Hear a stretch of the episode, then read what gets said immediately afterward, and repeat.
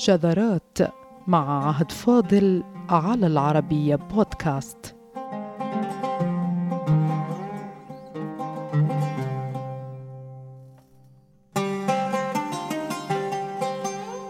النازحون واللاجئون أو المهجرون أيا كانت أسماؤهم فقد كانوا صورا من صور المآسي الاجتماعية والسياسية والعسكرية.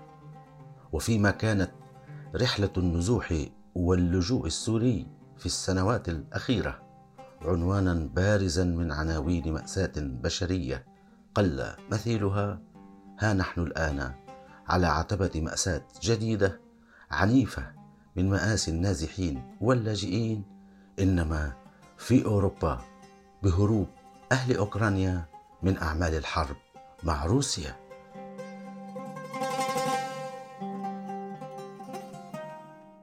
ولم تكن أزمة النزوح أو اللجوء تمتلك ما يمكن وصفه بوجه مشرق إلا في حالة واحدة فقط. سجلها التاريخ القديم وذلك بهجرة أهل الأندلس من عرب ومسلمين ومسيحيين ويهود إلى الشام أو مصر أو بعض بلدان المغرب العربي.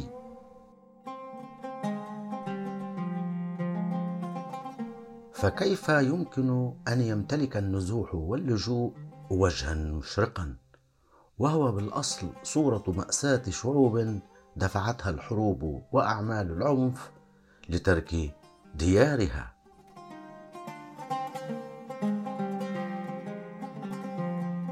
هو سؤال مشروع بسبب سهولة تمام عملية اللجوء من الأندلس إلى بلدان المشرق ومصر والمغرب العربي. فلم يكن لجوءا أو نزوحا كالذي نعرفه الآن بل كان أشبه بزيارة إنما بدون عودة لمكان تم التعرف عليه من قبل فما الذي جرى حتى صار لجوء اللاجئين ونزوح النازحين أشبه بعودة إلى مكان عرف مسبقا وخزنت صوره في ضمير المرحلين.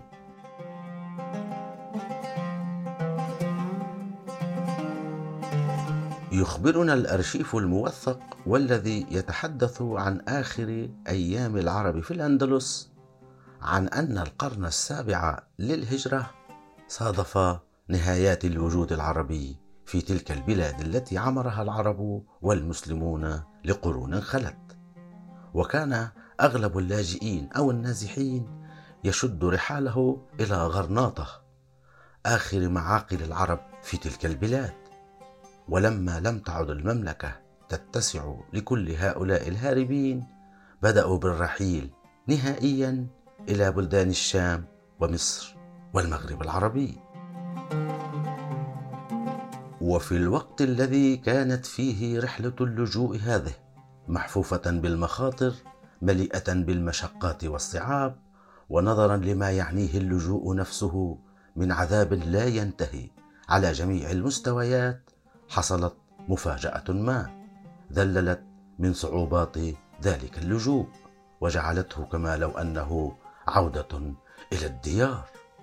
وذلك يعود الفضل فيه إلى ما فعله ملك من ملوك بني أمية في الأندلس.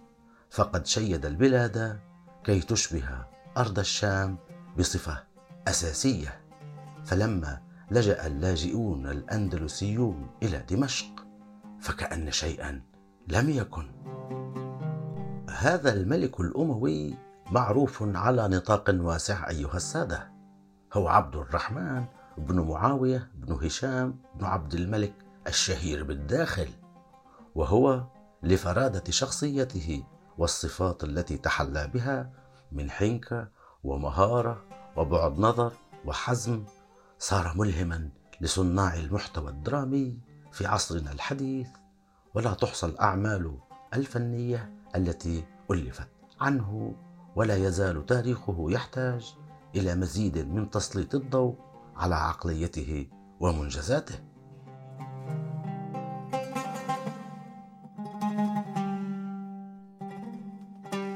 ومن المعلوم أن المهجرين أو اللاجئين يضمون في صفوفهم عددا واسعا من شرائح المجتمع ففيهم الصناع المهره وفيهم الفلاحون والتجار والبحارة وفيهم أيضا الأدباء والشعراء والمصنفون الذين كانوا بدورهم جزءا من هذا النزوح الجماعي النهائي عن الأندلس. تلك التي ولدوا فيها وترعرعوا كما ولد آباؤهم وأجدادهم من قبلهم إلا أنهم عندما لجأوا إلى الشام لم يكن بانتظارهم دار غربة بل دار وطن. وذلك لما أسسه الملك الأموي عبد الرحمن وهو أول ملك لبني أمية في الأندلس.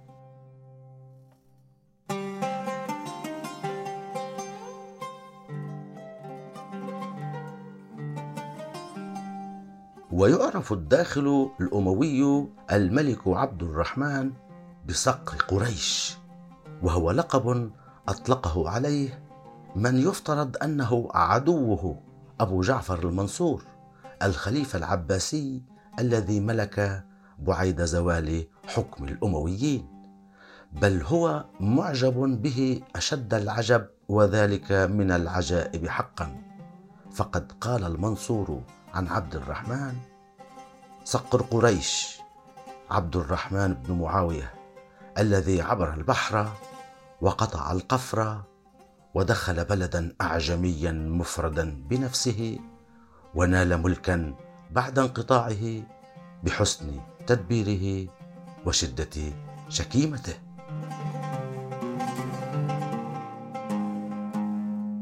وهي شهادة مقبولة ولا شك فهي ليست صادرة من حبيب أو قريب بل من عدو لدود. لاحق هو وذريته ملوك بني أمية حتى الأندلس لعداوة معروفة في كتب المصنفين. لا حاجة للعودة إليها الآن.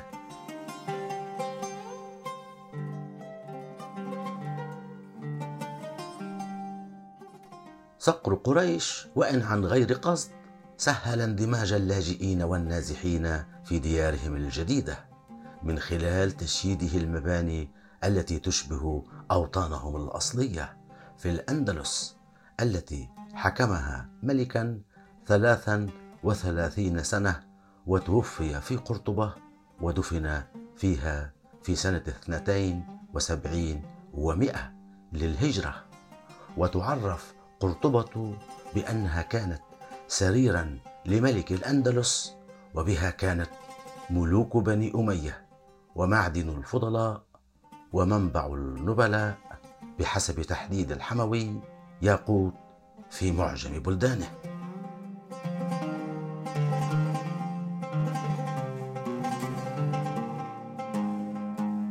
لكن للأمانة التاريخية يشار إلى عدة أسباب ساهمت باندماج اللاجئين الفوري في أوطانهم الجديدة. فبحسب دراسة هامة للدكتورة آمنة البدوي في كتاب شعر النازحين من الأندلس إلى مصر والشام في القرن السابع الهجري فإن أسباب استقطاب الأندلسيين المهجرين إلى الشام ومصر متعددة كالحج وزيارة الأماكن المقدسة في المشرق وكالظروف السياسية والاقتصادية والعلمية المساعدة وأيضا كالظروف الطبيعية.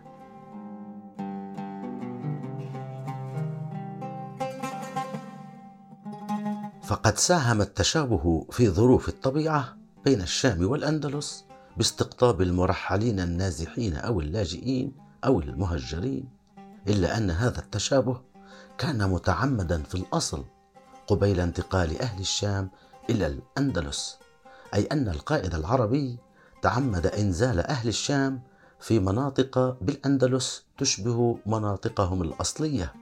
فتم مثلا إنزال أهل الشام في كوره إلبيرة نظرا لتشابهها معها حتى سميت بدمشق وأنزل أهل حمص في منطقة إشبيلية لذات التشابه حتى سميت إشبيلية بحمص. أما أهل الأردن فقد أنزلهم الملك الأموي في منطقة ملقه فتقول بدوي ساهم هذا التشابه الجغرافي بين الإقليمين مؤسس الدولة الأموية في بناء دولته على صورة سوريا الأموية.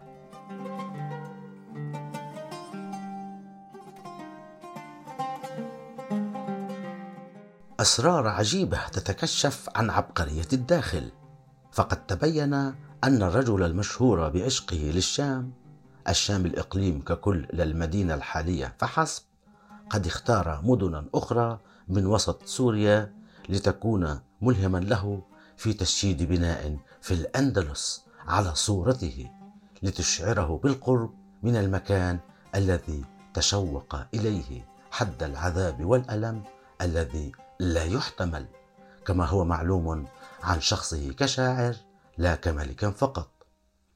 إذ يورد صاحب نفح الطيب للمقري أن في حماة الشامية مسحة أندلسية ويتحدث صراحة عن أن الملك الأموي شيد وبنى في الأندلس تشبها بما بناه أجداده الملوك الأمويون في دمشق سابقا فيقول إن عبد الرحمن الداخل لما استقر أمره وعظم بنى القصر بقرطبة وبنى بقرطبة الرصافة تشبيها برصافة جده هشام بدمشق يقول المقري.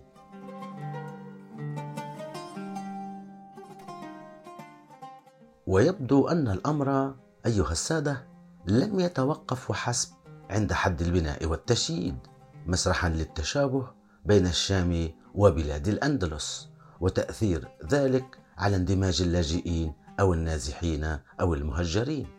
فقد ظهر أن العائلة الأموية الملكية كانت ترسل من أشجار الشام ما يمكن زراعته في الأندلس كشجر الرمان الذي كانت ترسله شقيقة الداخل إلى ذلك الجزء من القارة الأوروبية. وكما قال صاحب نفح الطيب حرفيا عن أول ملوك بني أمية في الأندلس نقل إليها غرائب الغراس وكرائم الشجر من بلاد الشام وغيرها من الأقطار. أما ما يخص مصر من هذا التشابه مع الأندلس والذي سهل نزول قوم من الأندلسيين فيها ففي الأندلس ما كان يسمى مصر أيضا. كتدمير في الشرق التي سبق وأنزلهم فيها القائد العربي بسبب تشابهها مع طبيعة أم الدنيا. فتقول الدكتورة بدوي بناء على كل ما سبق وبعدما أكدت أن الملك الأموي بنى دولته في الأندلس على صورة سوريا الأموية التي سبق وبناها أجداده قالت الدكتورة بدوي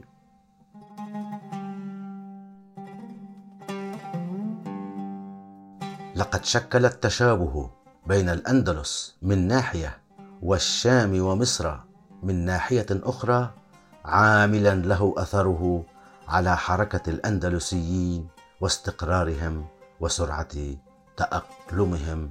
انتهى كلام الدكتورة بدوي. هكذا كانت حنكة الملك الأموي بتسهيل إقامة أهل الشام في الأندلس من خلال اختيار سكنهم فيها بمناطق تشبه مناطقهم الأصلية وكذلك من خلال تشييده المباني والمساجد على طريقة ما بناه أجداده في الشام سببا جوهريا في تحويل النازح إلى مقيم واللاجئ إلى عائد فكانت رحلة اللجوء أقرب للعودة ومسيرة النزوح نوعا من استعادة منازل الأجداد وهي تنفرد على ما عداها في هذا الباب.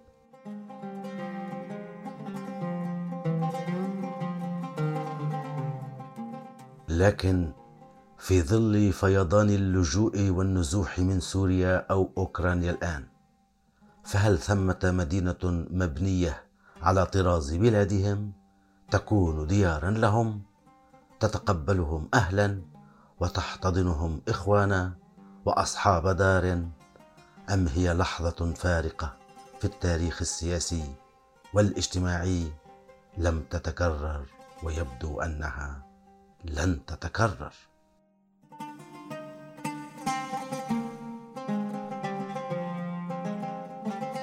ومن شعر الملك الأموي المشهور بشعر الحنين إلى أرض بناها أجداده يقول عبد الرحمن الداخل في أبيات تنسب له ولغيره أيضا كما ورد في نفح الطيب فيقول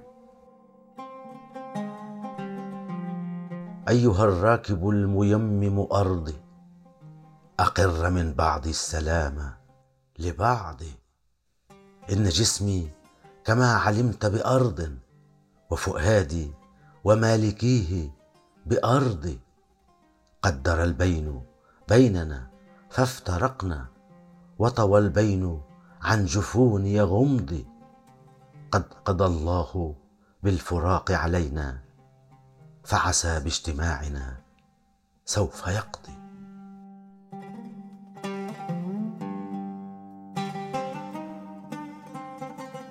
ويقول في أبيات أصبحت مثلا في شدة الحنين والتعلق بمسقط الرأس وهو الذي بحنكته يسر على اللاجئين وإن بغير قصد العودة إلى بلاد كأنها مسقط رأسهم فيما هو أسس حضارة عظيمة في الأندلس ومات ودفن في أرضها غريبا وها هو يقول كما نقل كتاب أعمال الأعلام لابن سعيد الغرناطي يقول الملك الأموي شعرا